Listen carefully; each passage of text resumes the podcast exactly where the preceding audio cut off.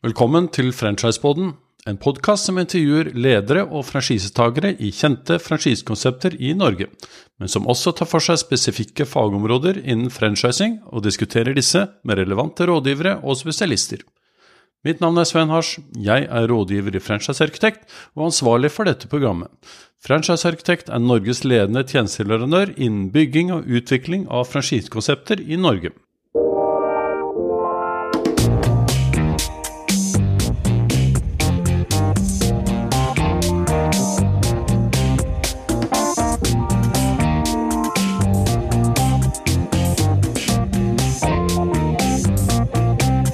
Denne episoden av Franchisepodden skal vi snakke med ingen ringere enn Jan Ketil Arnulf, professor i ledelse ved Handelshøyskolen BI.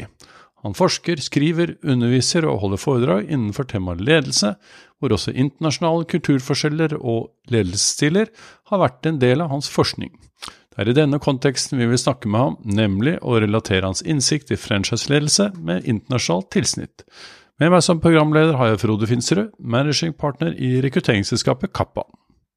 I dagens episode av Franchisepoden så skal vi opp i de mer akademiske sfærer, og vi skal snakke om ledelse. Og med meg oppe i skyene her så har jeg bl.a. medprogramleder eh, Frode Finsrud. Han er managing partner i rekrutteringsselskapet Kappa. Og ikke minst så har vi en vaskeekte professor. Jan Ketil Arnulf, professor i ledelse fra Handelshøyskolen på BI. Velkommen hit. Tusen takk for det. Eh, jeg må nesten eh, spørre deg med en gang. Jeg er jo halvt tysk. og... Eh, altså er til Tyskland, og jeg banket på døren til professoren, så var det 'Herr professor'. På den andre siden av skalaen så har man jo Halle og Jan Ketil. Hvor, hvor er du? Nei, altså jeg, jeg, jo, jeg syns jo det er veldig gøy når jeg kommer til Tyskland. Den begynner ikke å si her doktor, professor, ja. Men altså, det er jo det er kult, da. Men selv så tror jeg jeg oppfatter meg mest som en slags akademisk punker, da. Jeg tror ikke egentlig at jeg Jeg føler meg vel ikke sånn helt hjemme i den identiteten. Så det er vel Jan Kjetil jeg egentlig er, tror jeg. Så det vil si at eh, da balanserer du godt denne Du må jo ha en akademisk autoritet. Det har du kanskje naturlig mot det joviale norske tiltalingsmåten? Altså, Du kommer ikke så langt til Norge med å være professor. Altså, Mange steder så er det egentlig diskvalifiserende. Så eh, det er noe jeg holder kjeft om inntil det til tider når det trengs. det er Ja. Noen ganger er det nyttig. Ikke sant? Og sånne enere i sitt område, de, de har gjerne drømt om dette siden de var fem år gamle. at jeg jeg er en av verdens beste gitarspillere, og jeg har holdt min første gitar når jeg er fem år gammel. Hvordan var det med deg? Hadde du tanker om professor i ledelse? Det er det jeg skal bli?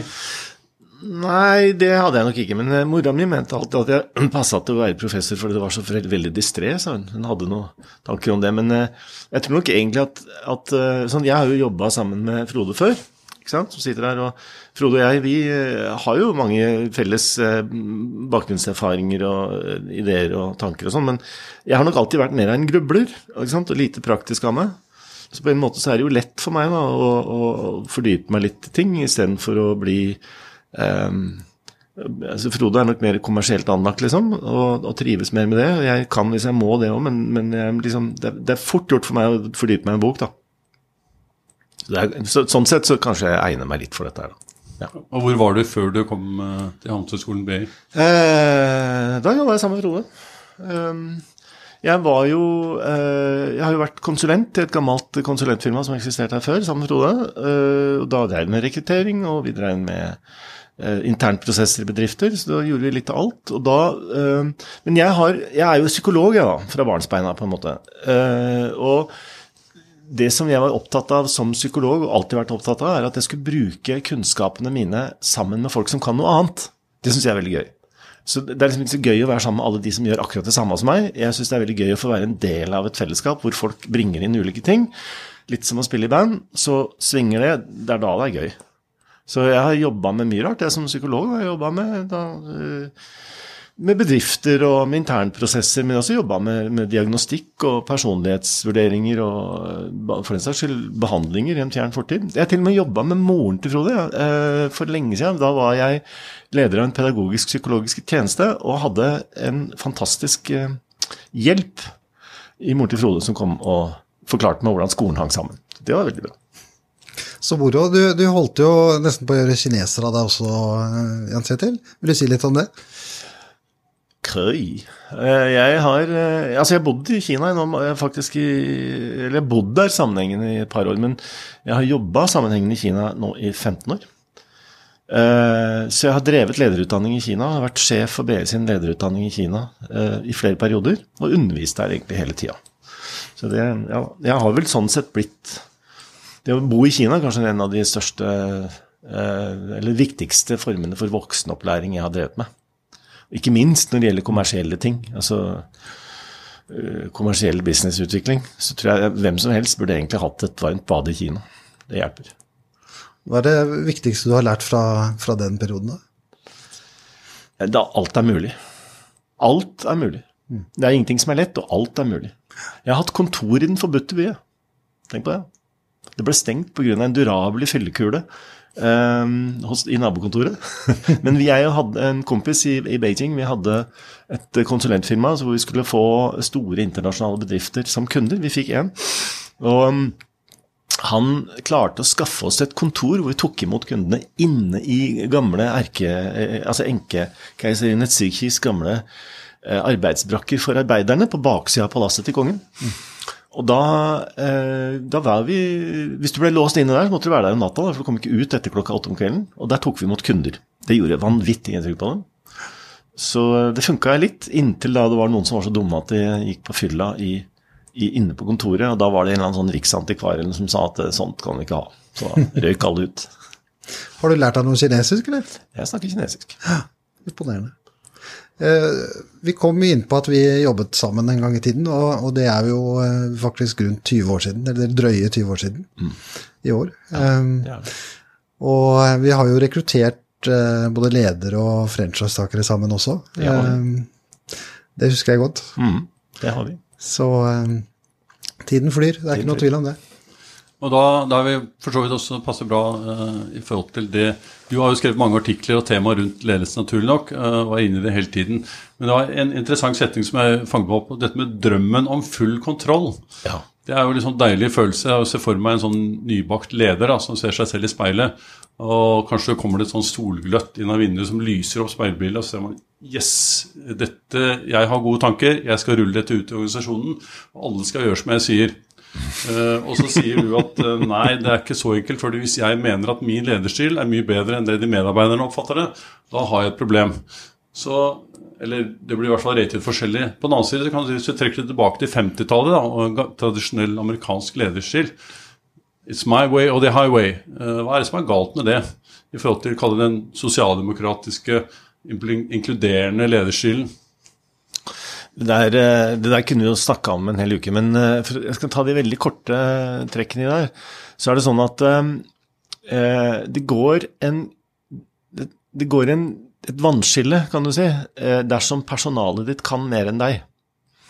Hvis, det, er veldig mye gammel ledelsesteori og gamle ledelseskulturer som ble til når arbeidskraften kom liksom inn fra landsbygda, inn i byen, og folk egentlig ikke hadde peiling på det de ble satt til. Da var sjefen konge, eller gud, ikke sant. Det er jo et system som har eh, fungert i Norge tidligere, faktisk. Altså når folk eh, hadde veldig, veldig lite utdanning, visste veldig lite om det de gikk til, og bedriftene var hierarkiske produksjoner, og du ansatte folk pga. hendene deres, mer eller mindre, eller beina deres. Så fikk vi en endring, jeg kan tidfeste den nøyaktig til 1968 i Norge, hvor, øh, hvor altså arbeidsstokken i prinsippet kan mer enn lederen. Det er klart at det finnes noen unntak fra det. Frode og jeg har opplevd det òg. Har familiebedrifter hvor lederen selvfølgelig er den som kan absolutt alt og skjønner det. Altså Vi har et par sånne eksempler. Men i prinsippet kan du si det sånn at i den, i den verdenen vi er inne i nå, så øhm, men hvor du har folk som har en veldig høy utdanning, som kommer inn med sine egne kontaktnettverk. Altså De har veldig mange produksjonsressurser med seg i bagasjen. Så eh, er det sånn at den, den gruppa som omgir lederen, til sammen kan veldig mye mer enn lederen. Hvis lederen koker suppe på det, så har han tapt. Det er det, er det enkle svaret. Det fins mer kompliserte svar på ro, men det er den enkle. Så det vil si at eh, det var en annen setning som jeg fengt meg fra, fra en styreleder i Seven Days. Når ledelsen beslutter tiltak, vil de underordnede alltid finne mottiltak. Ja, det er faktisk moderne, et moderne kinesisk ordtak. Altså Kinesere tenker alltid i ordtak. På originalt så kinesisk så heter det shang yo zhengzi, hia yo duizi. Og det betyr altså at når akkurat som du sier, at når sjefen vil noe, så skjønner medarbeiderne det, og så treffer de mottiltak. Eh, alle kinesiske ledere veit det. Og det som er problemet i Kina, hvor det ikke er altså Historisk sett altså skal du ikke motsi sjefen i Kina. Altså Man gjør egentlig ikke det. Det passer seg ikke. Alle kinesiske ledere som skjønner hva de holder på med, veit at det betyr jo ikke at du får det som du vil. Da kommer dette uttrykket, ikke sant, som er en slags moderne, moderne forbannelse, på en måte. da. Det fins én ting, en til, vil du høre den? Ja, gjerne det. Men uh, Vil du ha den på kinesisk eller norsk? Og gjerne på norsk. På norsk, ja. Den er sånn at den heter at uh, jo mer feil, nei, jo mer du gjør, jo mer feil gjør du. Jo mindre du gjør, jo mindre gærent gjør du. Hvis du ikke gjør noen ting i det hele tatt, så gjør du ikke noe gærent heller. Og Det er en moderne forbannelse på kinesisk, fordi det er en rest fra den kulturen som straffet folk for å ta eget initiativ og gjøre noe gærent. Og Moderne teknologibedrifter i Kina de veit det veldig godt. At når den mentaliteten der slår til, så har du tapt i konkurransen. Sånn at, eh, men det er jo, dette er jo et ordtak du kunne gjentatt mange steder i Norge òg. Jo, jo mer du gjør, jo mer feil gjør du. Da får du smekk på fingeren. Gjør du mindre, så gjør du ikke så mye gærent heller. Og hvis du ikke gjør noen ting i det hele tatt, så gjør du ikke noe gærent heller. Det vil jo si at eh, den enkelte leder, han som står foran speilet og skal begynne en ny organisasjon, må i hvert fall ha en slags selvinnsikt da, om at eh, for det første, hvordan blir jeg oppfattet av andre? Uh, som en slags innsikt, og at jeg blir nødt til å lytte, og jeg blir nødt til å inkludere folk på en eller annen måte for at jeg skal få gjennomslag og allikevel kunne ta beslutningen. Så denne balansen, så det krever i hvert fall en slags modenhet da, i forhold til å forstå den problemstillingen du ser. Det krever en veldig stor modenhet. Um, og Det går an å komme inn i den modenheten på mange måter. Altså, det er ikke bare selvinnsikt. Altså, finnes, man kan tenke på det som forhandling, og man kan tenke på det som salg. Altså, det finnes mange mentale modeller du kan ha for samhandling. Ehm, så jeg vil ikke si at det fins én modell for det, men, men det, som er, det som jeg tror er vesentlig for alle som skal lede en bedrift, er å forstå at bedriften kan mer enn meg. Og at bedriften får et problem dersom jeg blir viktigst. Det, kan, det, er ikke minst også et problem i forhold til kunder. ikke sant? Det er ganske mange ledere som kommer mellom bedriften og kunden, fordi de tror at de veit bedre enn kunden hva kunden vil. ikke sant? Så, så, sånn at en leder som får seg selv i sentrum, er nesten uansett et problem. Mm. Men har ikke det vært en ganske stor endringsreise der de siste ja, 20 årene f.eks., da vi jobbet sammen? Jeg syns at det er blitt mer, mer, vanlig at man aksepterer at bedriften er viktigst, og aksepterer at andre er smartere enn eh, lederen. Jeg tror det har skjedd eh, Det har nok skjedd mye. ikke sant? Og vi har, eh, vi har en helt annen utdanningsgrad på ledere og medarbeidere i dag enn vi hadde før. Så det, det, vi, vi, går jo den veien, og jeg jobber jo på BI, og jeg mener jo at en, en, del av den faktiske samfunnsnytten av sånne skoler er at vi faktisk pumper ut folk som forstår bedrifter i en helt annen grad enn de gjorde før. Um, skal ikke snakke stygt om forrige generasjon, men jeg husker jo det, Frode, at du og jeg var jo rundt omkring og snakka med styrer, hvor vi satt rundt bordet og sa det at her her i styret vårt det består av folk som eh, har et halvt år på videregående skole. altså Folk som hoppa av fra Christian Radich i Frihavna i Rotterdam og begynte å selge radioer. og Det er det de har. Og Det er ikke noe gærent med det. altså Veldig praktisk. Og, og, men, men vi, som bedrifter betrakta, så er vi nå blitt kompetansebedrifter. Og uten den kompetansen så stopper de opp. Det tror jeg mange skjønner. Mm. Hvis vi eh, tar steget videre og eh, så ser vi for oss en sånn konsernstruktur. da, med diverse datterselskaper, og så er det ett datterselskap som skal uh, begi seg ut på franchisereisen, kanskje internasjonalt til Kina mm. uh, og Europa. Og uh, da har jeg Min erfaring er at man da på mange måter bare tar ballen og løper. uten å tenke seg så veldig mye om. Hvilke, hvilke forankringer kaller det det? Tror du det er viktig å ha med seg en sånn før man helt begynner å gjøre noe?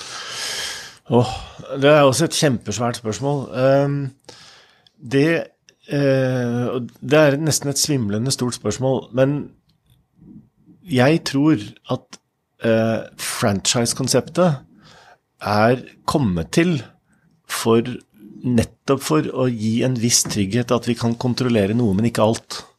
Så hele franchise-konseptet tror jeg, derfor dere korrigerer meg, da, som kan dette, men, men jeg tenker alltid på at franchise er et forsøk på å si at vi vil ha noen ting under gjerne har kontroll.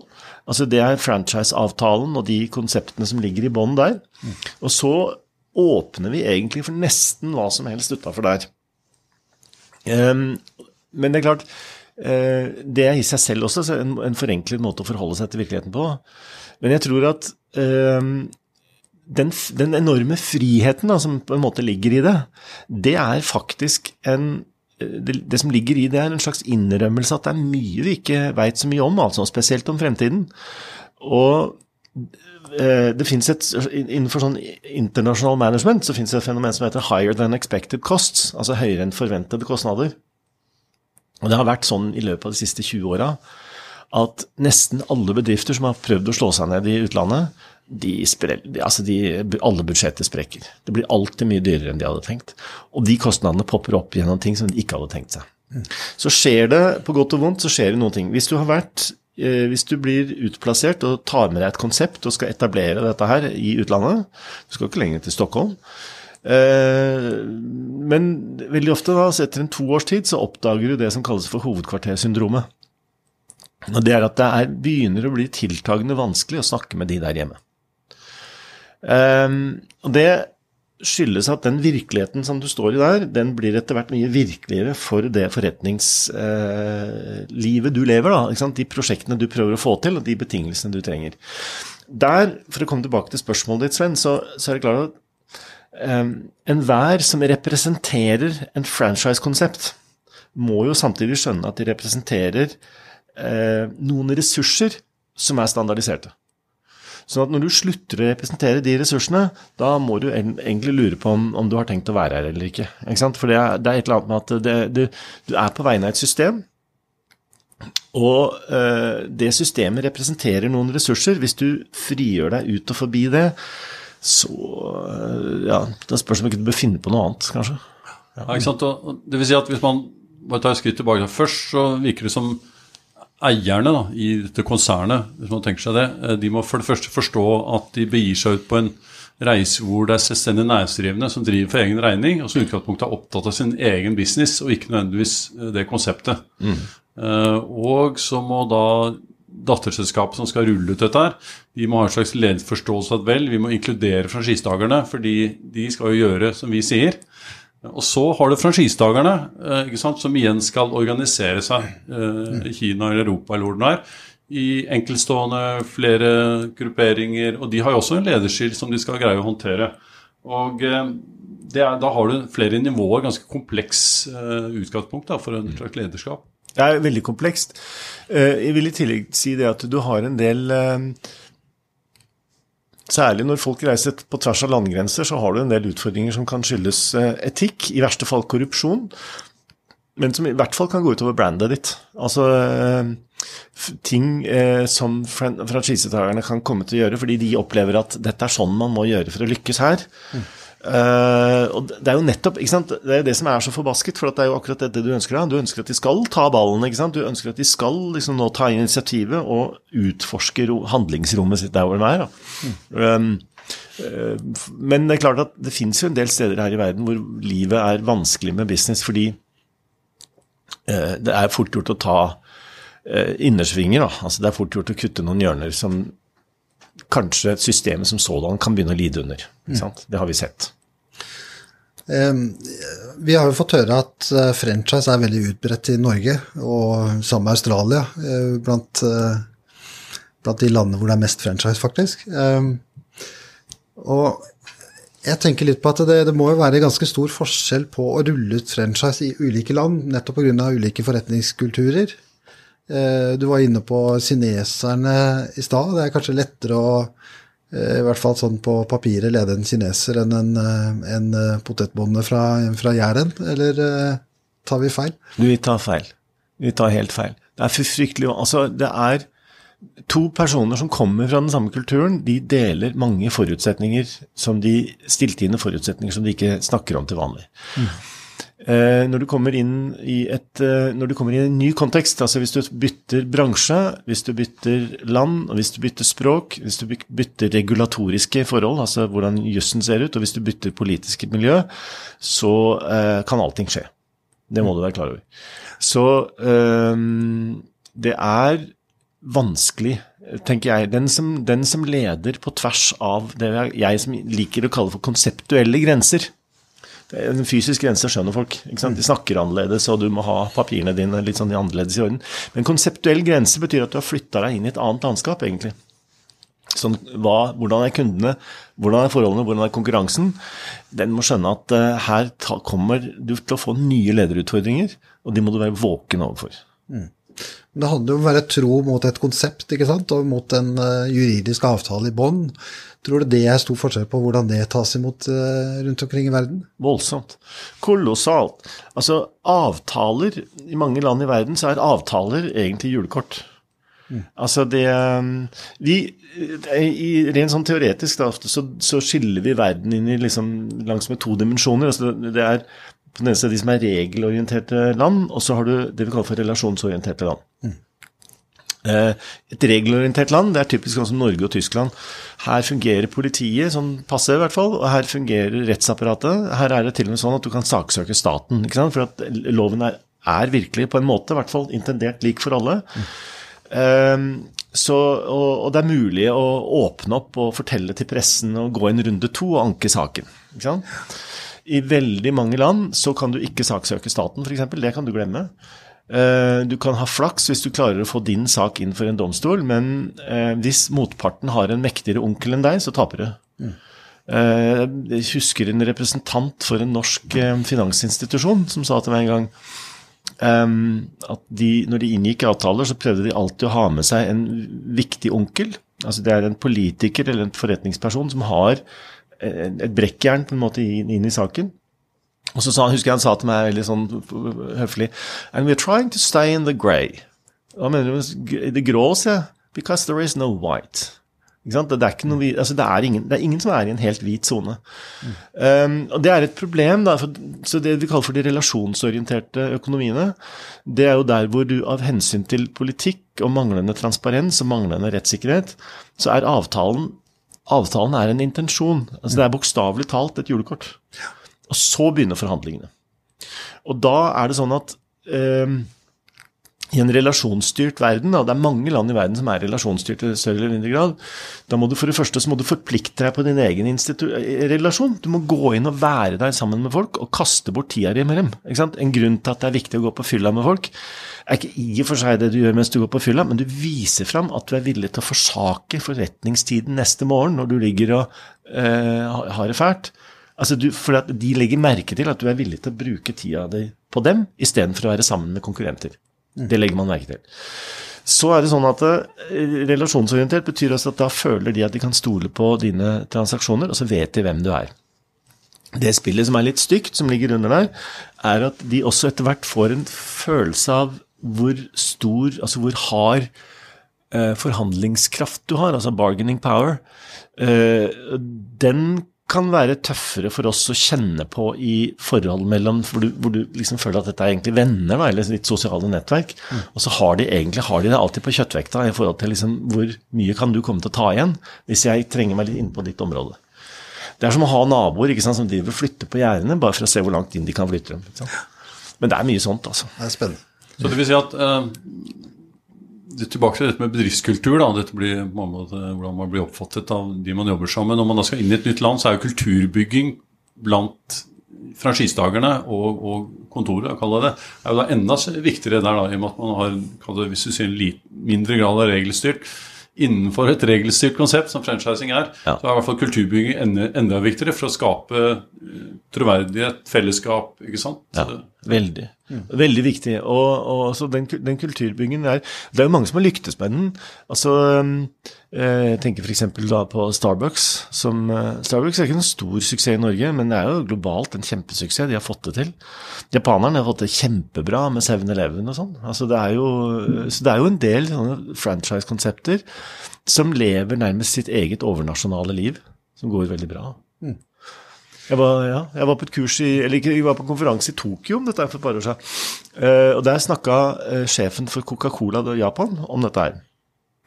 Han hadde jobba for Coca-Cola i Japan, og så han jobba for Toyota i USA. og japaner. Og Han kalte seg selv en hybridmodell. Det var akkurat når den der første hybrid-Toyotaen kom. Og han, øh, han snakka om, om, betydningen av å være en hybrid. Eh, og det gjelder nok litt når det gjelder franchise òg. Han snakka om det at du skal, være, du skal forstå at konseptet du representerer, nesten bare har verdi hvis konseptet får lov å stå der ganske reint. Men du må, for, altså du må, tørre å implementere konseptet i resten av den konteksten som er der ute, og, vite hvor grensa går hen. Og der, Det er litt interessant å se at eh, det er, en, det er akkurat den utfordringen. Den tverrkult. Altså Alle franchisetagere over hele verden har jo den, når du prøver å sende ut konseptet ditt på tvers av grenser. Mm. Så da kan man jo tenke seg at hvis man sitter på dette konsernkontoret da, og skal vurdere hvilken driftsform man skal velge, så kan man jo fort tenke seg at vel, da gjør vi det egentlig selv. For da er det bare ansatte. Og så bestemmer vi da sier sånn gjør vi det her, gutter. Uansett om vi er i Kina eller om vi er i Europa. Eh, versus franchising, hvor du på mange måter må lytte og inkludere på en helt annen måte eh, for å få de til å, å jobbe på din måte, hadde jeg sagt. Mm. Mm. Jeg så det, ja. eh, vi jobber mye med rekruttering til både egeneide kjeder og franchiseeide kjeder.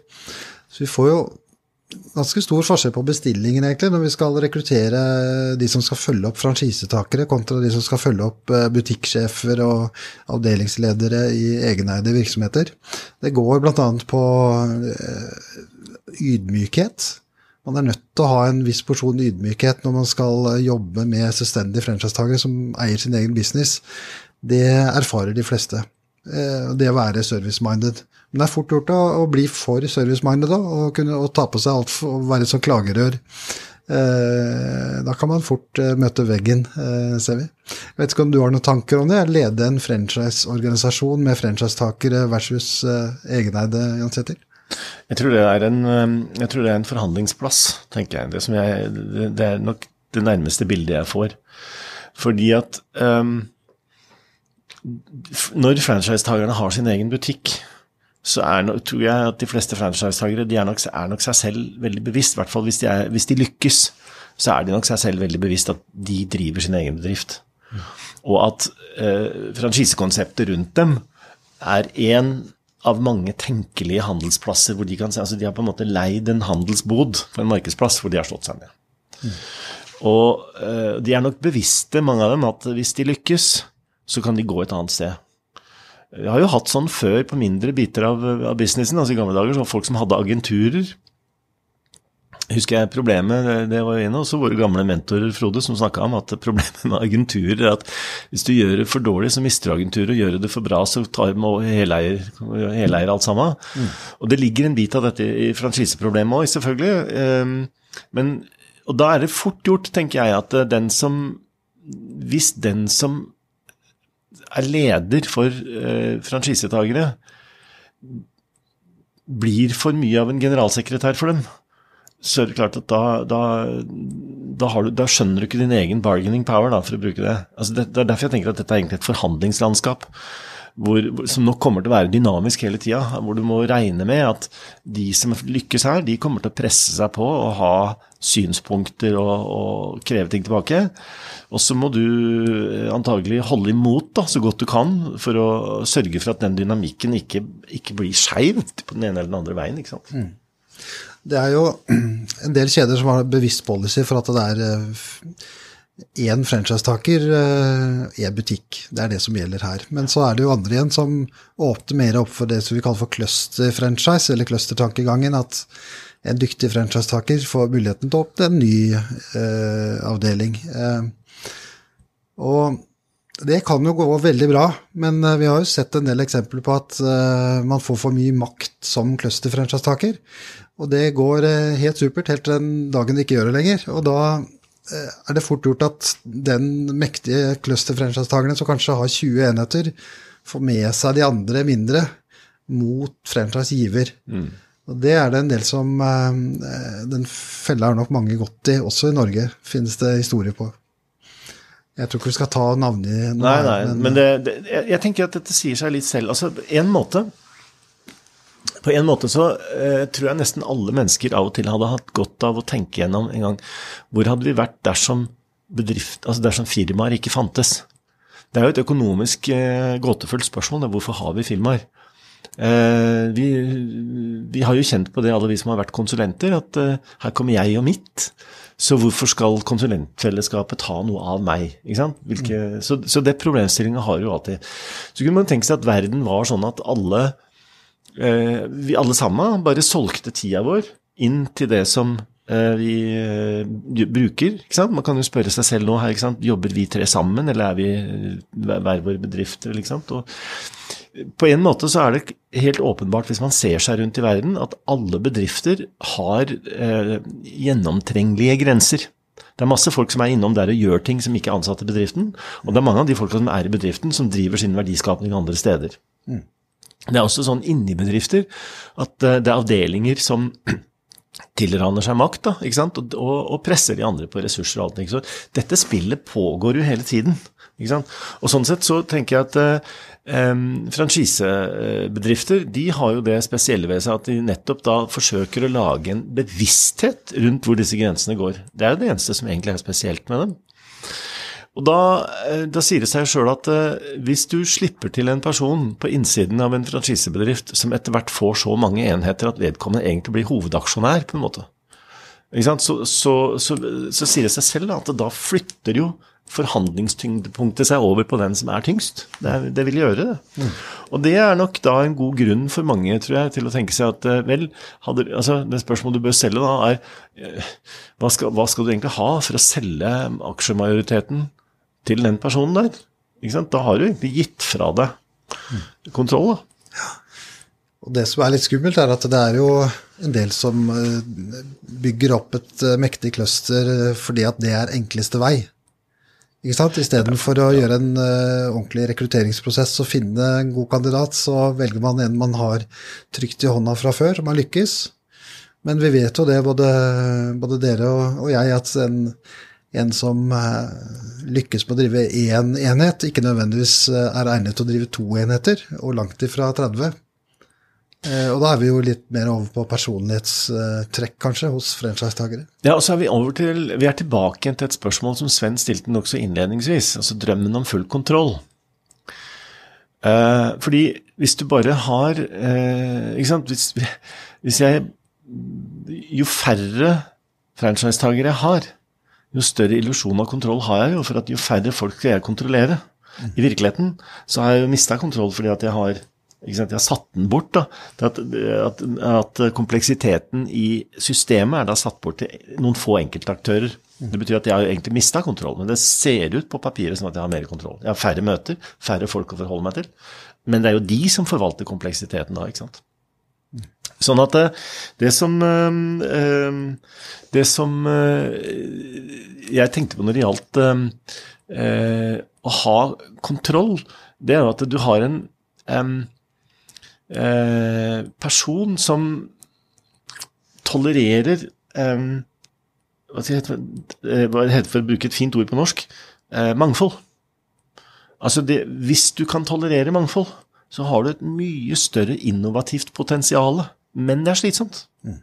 Men da har du kontroll. For hvis du kan tolerere mangfold, så kan du tolerere at det fins mange ulike løsninger på de samme problemene.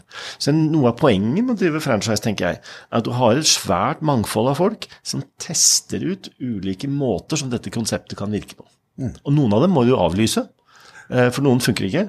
Men da har du mange flere aktører som faktisk går ut og tester ut og er kreative. Systemet er kreativt. Og du har kontroll på kreasjonen, for å si det sånn. Mm. Og Det er veldig interessant, og det kan du se de store franchisekjedene hvor du ja, i større eller mindre grad, i hvert fall vellykket, kan uh, greie å håndtere denne maktbalansen da, og kreativiteten. I det øyeblikket du slutter å lytte til franchisetakerne, så har du tapt på mange måter. Fordi kreativiteten skal komme nedenifra. Samtidig så må du jo styre konseptet også. Uh, slik at du må på mange måter finne en balanse mellom sånn gjør vi det her, eller på den annen side å ja, det var en god idé, det implementerer vi. Eller nei, vi må i denne kjeden så må vi gjøre det på denne måten.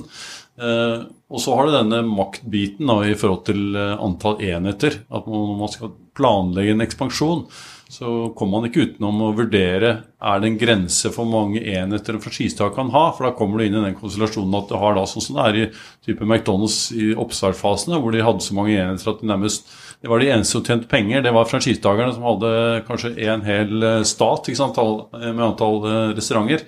Og da, da får du en, en, ubalanse, kan få det i hvert fall, i systemet som i hvert fall har det mente når man planlegger ekspansjon. Ja, det er akkurat det.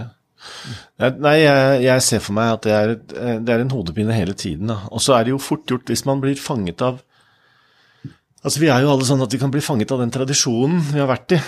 Sånn at Hvis horisonten til de som styrer franchisesystemet ikke er videre enn det de selv ser, så kan de jo fort falle i, den, i grøfta og tenke at de kommer over en god idé som de tenker at de er de første som får. Apropos uh, kunnskap, da. Så jeg tenker at kunnskap om franchise som fenomen det er kjempeviktig å ha hvis du skal ha få utnytta modellen ordentlig. Hvis ikke så er det sikkert ganske mange feller å gå i. Mm. Definitivt. og da, da, kan vi jo ta et skritt videre. Hvis vi oss, ser for oss denne, dette konsernstrukturen, og så skal de ut i verden, og du har kanskje USA, og så har du Europa, og så har du Kina f.eks. Og da har du jo satt opp en del uh, type uh, myter da, i forhold til lederstil. For vi er jo i Vesten i hvert fall har liksom en rett i ryggen i forhold til at uh, vi gode ledere, dette kan vi, og andres lederskiller, de er ikke så effektive. Eh, og i hvert fall ikke i Kina.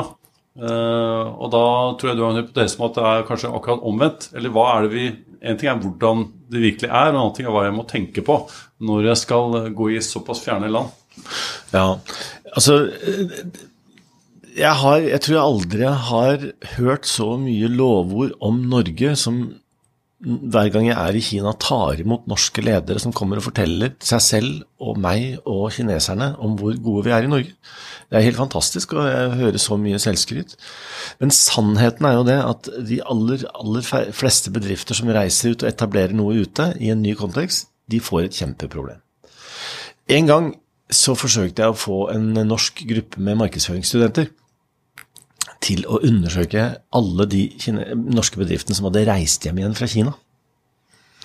For vi hadde nemlig altså det som heter Norwegian Business Association, som finnes i Kina, de hadde da medlemskartotek, og det var jo mulig å gå tilbake igjen i Fantomets kronikker og se hvem hadde vært der, og hvem hadde reist hjem igjen. og så fikk jeg dem til å eh, kontakte alle som hadde reist hjem igjen, og høre hva, eh, hvorfor de har reist hjem. Det var ikke mulig. De eh, det var mulig å få tak i alle bedriftene, stort sett. da. Eh, men de vil ikke svare. De sier alle sammen det legger vi bak oss. Det er en veldig dum ting for oss nordmenn. Fordi eh, det betyr at hver gang en norsk bedrift svikter i utlandet, ikke får det til, så dør erfaringen. Det er farlig. Hvis du ser på svenskene, så gjør de noe mye bedre enn oss. Det skyldes størrelsen på bedriften. Svenskene de kommer med HM og med Volvo og med SKF. og de kommer, altså, Svenskene kommer med svære bedrifter. Ikke jeg, kjempesvært. Og så gjør de feil, men det gjør ikke at de reiser hjem. At de er store nok til at de klarer å justere. De tar opp erfaringen og så melder de inn til hovedkontoret, så systemet tilpasser seg, så overlever de. Mm. Men norsk næringsliv har en veldig liten Eh, også, vi er ofte veldig små. Vi sender av gårde et lite kontor med to, tre, fire, fem sjeler til å begynne med. Hvis de ikke får det til, så reiser de hjem så sier de at det var umulig. Men vi snakker ikke mer om det. Vi ser framover, som de sier. Og Det betyr at de har masse erfaring som bare dauer. Så det er et slags svar på spørsmålet ditt, Sven. Du kan uh, se om det var noe mer der jeg gikk glipp av. Men jeg tenker jo at eh, den, som, den som reiser ut, må være klar over at vi gjør det som en en, en, dannelsesreise, ikke bare for å tjene penger. For hvis du ikke gjør det for å erfare og, og fange opp de, så vil du kan risikere at dette blir en veldig, veldig bortkasta og dyr og slitsom ferietur. Og jeg, min læring da, i forhold til å jobbe med mange franchisekjeder som også som skal ekspandere, det går jo på den, det rådet vi gir, både Frode og jeg, til kjeder som vil til Norge. Og det er begrepet 'boots on the ground'. Altså først må du, Hvis du skal om det er til Kina eller Frankrike, eller hvor det er, så må du i hvert fall etablere der først. Og så må du forstå kulturen, forstå økonomistrukturen, forstå kostnadsstrukturen, hvordan du skal lede dette her. Og så kan du begynne å inkludere franchisetakere. For da kan du si at nå kan jeg Kina, så nå vet jeg hvordan jeg skal etablere enheter, og hvilken type mennesker jeg skal ha. Det er vel, antar jeg, en god idé. Det er en kjempegod idé. Og det er, eh, det er, i det hele tatt så er det kjempeviktig å ha med seg det som jeg kaller for en kulturambassadør. En kulturambassadør er en person som du har tillit til, som du kan inkludere i din bedrift, enten ansette eller ha med i en eller annen forpliktende versjon, og som er som evner å stå med begge steder med, med én sko i hver leir. Mm. Ofte så er det, vil være folk som har bodd der lenge, folk som er gift, folk som har, altså, men folk som faktisk har hatt skoa på begge steder, det er helt uvurderlig. Dette med personlighetstrekk er jo også et av dine eh, fagområder, Jan Kjetil. Så der har vi jo noe til felles. Vi jobber jo med å finne rett person som både skal bli eh, ledere i kjedene for, som følger opp franchisetakerne, men eh, selvfølgelig også franchisetakere og deres medarbeidere igjen. Eh, vi får jo ofte høre det at, eh, at vi skal finne en driftig person som skal bli franchisetaker, skal ha, være service- og kundeorientert, man skal være tilstedeværende, man skal være effektiv og selvfølgelig også følge systemet og konseptet. Men man skal ikke være entreprenør. Og det er jo et paradoks, for eh, eh, det vil man jo gjerne i mange andre sammenhenger når man skal finne noen som skal drive sin egen butikk, skal, eller sin egen virksomhet. Da man skal ha entreprenøren. Eh, har du reflektert over det noen gang? At det kan tippe feil vei? At man finner en som er så selvstendig at man utfordrer systemet og blir en uråkråke, kontra å mm. følge det? Mm. Jeg, tror, jeg tror, det er jo Akkurat det der er jo kjent. Um, og det Altså, de derre Altså, folk som blir entreprenører, tror jeg mesteparten, de som virkelig lykkes med det, de ønsker seg virkelig kontroll. Altså, det er et eller annet med Når du lykkes med det, så, så ønsker du deg eh, Og du ønsker Ikke sant det, det som skjer med folk som er entreprenører veldig ofte, er at de også de blir nødt til å endre forretningsmodellen sin underveis. Mm. Eh, det er, det, er, det er, tøft og vanskelig å være entreprenør, og du går fort i fella eh, med De som lykkes dårligst som entreprenører ofte, for øvrig, det er de som har tvangstanker om at de skal bli entreprenører, men ikke aner hvordan de skal gjøre det. Mm. Eh, de har, de har, det har jeg faktisk også forska på. altså de, de, får tvangstanker. Det er folk som har tvangstanker om at 'jeg må bli entreprenør'. Ligger våkne og tenker på det om natta, på ideer. De, ikke sant? Men det er sånn derre så Husker den gamle sangen til Vidar Sandbekk 'Jeg kunne vært snekker, jeg kunne vært smed'. De som lykkes, det er de som har det vi har oppdaga som er noen sånne eh, vi kaller det for implementerende mindset. De klarer ikke å la være å gjøre det. Altså De klarer ikke å la være å bruke en mulighet til å gjøre business, men de har da veldig ofte en så hands on tilnærming på sine egne forretningsideer at de vil slite med, ofte med andre sine konsepter oppi der. Det er det, altså. Jeg husker jo, for eh, Da vi jobbet sammen, så holdt vi jo mye kurs rundt omkring. Også for, eh, for franchisetagere og, og, ulike kjeder. Mm. Og jeg husker jeg lærte det av min gamle far, som også var konsulent. Han er det fortsatt, i en alder av 82. Um, og det var eh, på kurs å alltid prøve å identifisere den som uh, Hvis det var noen som prøvde å lage trøbbel, da, så skulle man identifisere den og bli kamerat med den personen og trekke den inn, den stemmen inn på en positiv måte i, i kursene. Og når du snakker nå, så tenker jeg ofte at det kan være Det er kanskje entreprenøren som har lyst til å bidra, som kanskje er litt motstandere av det etablerte, og som eh, kunne være en stor ressurs, bare den ble brukt på riktig måten. Og det lyktes vi ofte med på de, de kursene. Vi holdt jo bl.a. for eh, masse Hydrotex-akkostasjoner, husker jeg. Reiste rundt i, i landet, og mm. da var det jo alltid noen som, som var litt eh, ble oppfatta som litt vriene. Men de, ja, ja. De, de, fikk vi snudd, og det var ganske moro. Og du opplever vel det sikkert på BI stadig vekk, vil jeg tro? Ja, stadig vekk. Altså, det altså, Og det er jo ikke noe som er så gøy som folk som har sine egne meninger. Altså, det er jo det som gjør det gøy ofte å komme ut i klasserommet og ut i, på kurs og, og møte folk ikke sant, som tar eh, som tar plassen og tar showet. Men det gjelder jo da, som overalt ellers, at det er et fellesskap til stede. Og det fellesskapet det, det, kan være vanskelig å forvalte både som bedrift og som underviser.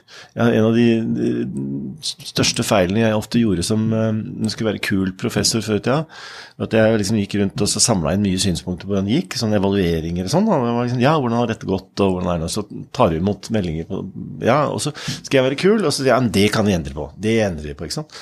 Og så endrer jeg, og så får jeg plutselig så viser det seg at jeg har hørt på tre sjeler som var i sin egen verden, mens de 27 andre som satt der ute, de er helt fornøyd, de sa ingenting. ikke sant? Og så blir det, så, så det der med også Det å ha en avveining, da, ikke sant, det kan være tøft. Men, men det er klart, de, de som virkelig skal ha gå sin egen vei, um, de bør nok gå sin egen vei. Altså, de, de, de bør nok, altså, de, bør få det rommet, da. Jeg tenker jo at det å være uh, franchisetaker av et brand som er satt, og særlig hvis det er satt internasjonalt, og forsøkt å bli satt internasjonalt, så er du på mange måter like mye en selger av et konsept. Altså, så Du må velge da, hvilken identitet skal du ha på. Skal du ha på liksom bedriftseieridentiteten eller selgeridentiteten, eller hva skal det være? Mm. Eh, jeg vet ikke om vi skal snakke om det. Det finnes en egen teori om de greiene her òg. Du kan se litt på det hvis du vil. Men, men, det er eh, Jeg tror at hvis det du skal selge er et konsept, så er det konseptet som gjelder. Mm. Ja. Men du, du, er inne på noe der i forhold til dette med urokråker. da, fordi Det er jo franchisegiverens ansvar i et dynamisk franchisesystem å utvikle og inkludere alle. Og urokråken kan jo være tilsynelatende et problem. Du snakket om hovedkontoret etter hvert. Det kan være et problem, men det er en ressurs, gitt at man kan hjelpe hverandre til selvinnsikt og utvikling og inkludering i kulturen. Slik at man kan hjelpe hverandre. Forstår etter hvert at alle har et potensial til å løfte konseptet i fellesskap. Mm. At det er et ansvar som man har som franchisetaker, og ikke 'oi, her er det et problem'. Eh, du bør egentlig slutte. Du får i hvert fall ikke forlenge kontrakten din. Mm. Eh, det er en liksom, en uryddig Kanskje det er en måte man har lyst til å si, men man bør inkludere og lære opp og utvikle franchisetakerne i større grad enn akkurat mm. eh, å lage problemer ut av det. Vi, eh, når vi rekrutterer franchisetakere for, for, kjeder, så får vi ofte spørsmål om hva, hva, hva tror dere er eh, beste egnethet eller bakgrunn på, på franchisetakerne, og, og, riktig personlighet, og det er jo veldig vanskelig å svare på, selvfølgelig. Men eh, hvis vi stiller snu spørsmålet og spør dem hva er det dere har erfaring med å lykkes med, så, så ser vi også at det kan like gjerne være en, en tidligere lærer som har lyst til å gjøre noe helt annet, men han har en uh, drive i seg på å skape noe eget, eh, enn en som har gått gradene i McDonald's. Mm. Så det er stor forskjell på det. Men har du noen tanker rundt eh, hva som du tror kan, kan være sånn personlighetstrekk som er eh, viktig å ha med seg når man er franchise-taker? Altså jeg tenker jo her eh, på mange måter at det gjelder å være ryddig, da. Um, for jeg tror at egentlig det å være franchise-taker det høres så fritt ut, men jeg tenker at det, det personlighetstrekket da, som er veldig velkjent der, og som heter um, altså samvittighetsfullhet, da. Mm. Eller altså alle Det som laster på alle Det å være, ha orden i sysakene. Eh, være strukturert, tenke framover, eh, ikke kutte for mange hjørner. Altså, jeg tenker det er viktig. Mm. Fordi um, man skal egentlig Det er viktig i all ledelse. Det viser seg at en, et, en lille smule av dette er bra i all form for ledelse. Eh, man sier ofte hvis, hvis det personlighetstrekket er veldig lavt, da, så, så, blir folk veldig fleksible. og sånn. De sier at det er ikke så farlig, jeg tar ting veldig på spark og sånn, men da, da, rykker de veldig ofte ut for å, for å slokke branner som de selv har satt på. da. Så det å være, det å være ganske organisert, tenker jeg, er en, eh, egentlig et personlighetstrekk som jeg ville lett etter hos franchisetakere. Det må bare ikke bli så høyt at de får støv på hjernen. Altså, det må ikke bli en sperre. Nei. Men eh, men jeg tror jo at det å ha et ryddig forhold, eh, at de skjønner kontrakten, at de skjønner forholdet til den altså franchisegiveren og det systemet bak, mm. og at de klarer å skjøtte sin bedrift der de er, på en sånn måte at dette her også er transparent, da, apropos altså at det er etterprøvbart for de andre, så man, begge parter skjønner hvor de er hen i dette, det tror jeg er bra. Mm. Jeg tror det som, det som, kan appellere til en del folk, med, med, med, som vi snakka om, da, det er altså den relativt fri tilværelsen. Men jeg, jeg, husker jo Jeg skal ikke henge ut noen bestemte yrkesgrupper, altså, men jeg husker jo at vi så jo på disse her bl.a. bensinstasjonkjedene som forsøkte også, når, når de skulle over på eh, å selge boller og kaffe eh, og sånn, istedenfor å selge liksom stå i smørgrava, så, så, var en del Det var liksom en annen type eh, person de så etter. Og det er nok mange som kan lykkes innenfor mange bransjer, men det er et eller annet med at når du er for vant til å stå i smørgrava og, og med twist-dotten, liksom, så er det vanskelig å løpe opp og sterke boller etterpå. Altså et eller annet med det å ha orden og ryddighet innenfor det du driver med, og skjønne hva det er kjernen er av det du driver med. Nå fikk jeg en liten assosiasjon, en god historie som uh, moderen fortalte for uh, mange år siden. Hun bodde en periode i, i Onsøy. Og der var det en bensinstasjon drevet av en med den gode gamle, av den gode, gamle sorten. Og med smøregrav, selvfølgelig. Og så var det en søndag, det kom en svart, fin bil forbi som parkerte og skulle ja, skulle ha litt hjelp, da. Så det kom inn en, en kar i en uh, mørk uh, frakk og oljete på hendene, og uh, lurte på om det var mulig å få vaska seg og, og, noen til å hjelpe litt. Da. Så kom det tørt fra han inne på bensinstasjonen at vi yter ikke den slags service her. Nei, men det er greit, det, sa, sa karen. Og så satte han seg i bilen og kjørte videre. og og så eh, var de jo nysgjerrig på hvem dette, denne karen i den flotte bilen var. Så så de på skiltet at det sto A2. Og det var da den gang kronprins Olav som eh, stoppet og eh, hadde prøvd å få orden på bilen sin, så skrangla litt. Så han eh, lå visst lavt i bygda etterpå. Det kan man si, det var en tabbe, eh, selv om han selvfølgelig var ubevisst. Men jeg tror det med, eh, med ansvarsbevissten til franchisetakeren i forhold til hva man går inn til, og konseptforståelse, det, det passer ganske bra etter sånn uh, ringen er sluttet i forhold til diskusjonen om lederskap. For det er jo et, en tosidig partnerskap, det er et ekteskap dette her, over x antall år i franchising. og så Jeg, jeg syns uansett dette var en veldig spennende samtale. Uh, Jan Ketil Anders, tusen takk for at du kom til Franchisepodden. Ja, selv takk. Dette var gøy, syns jeg. Lykke til til alle franchisetagere som hører på. Takk for det. Vi hørte professor Jan Ketil Arnulf dele sin innsikt omkring bl.a. kulturforskjeller mellom land og kontinenter, og hvilke potensielle utfordringer det kan føre med seg for en norsk franchisebedrift som skal ekspandere til utlandet. Franchisekonseptets rammer blir testet på en helt annen måte enn her hjemme. Alt fra de etiske grensene man må trekke, bygging av egen bedriftskultur i et annet land, innsikt om marked, myndighetskrav og konkurrenter, til hvordan en toppleder i et franchisesystem skal forberede seg og nettopp håndtere disse kulturforskjellene. Arnulf sier at franchising i praksis er et forhandlingslandskap som også krever aksept for mangfold som en del av den kreative og systemmessige utviklingen innenfor et franchisesystem. Det kan vi alle som driver innenfor franchising nikke bekreftende til.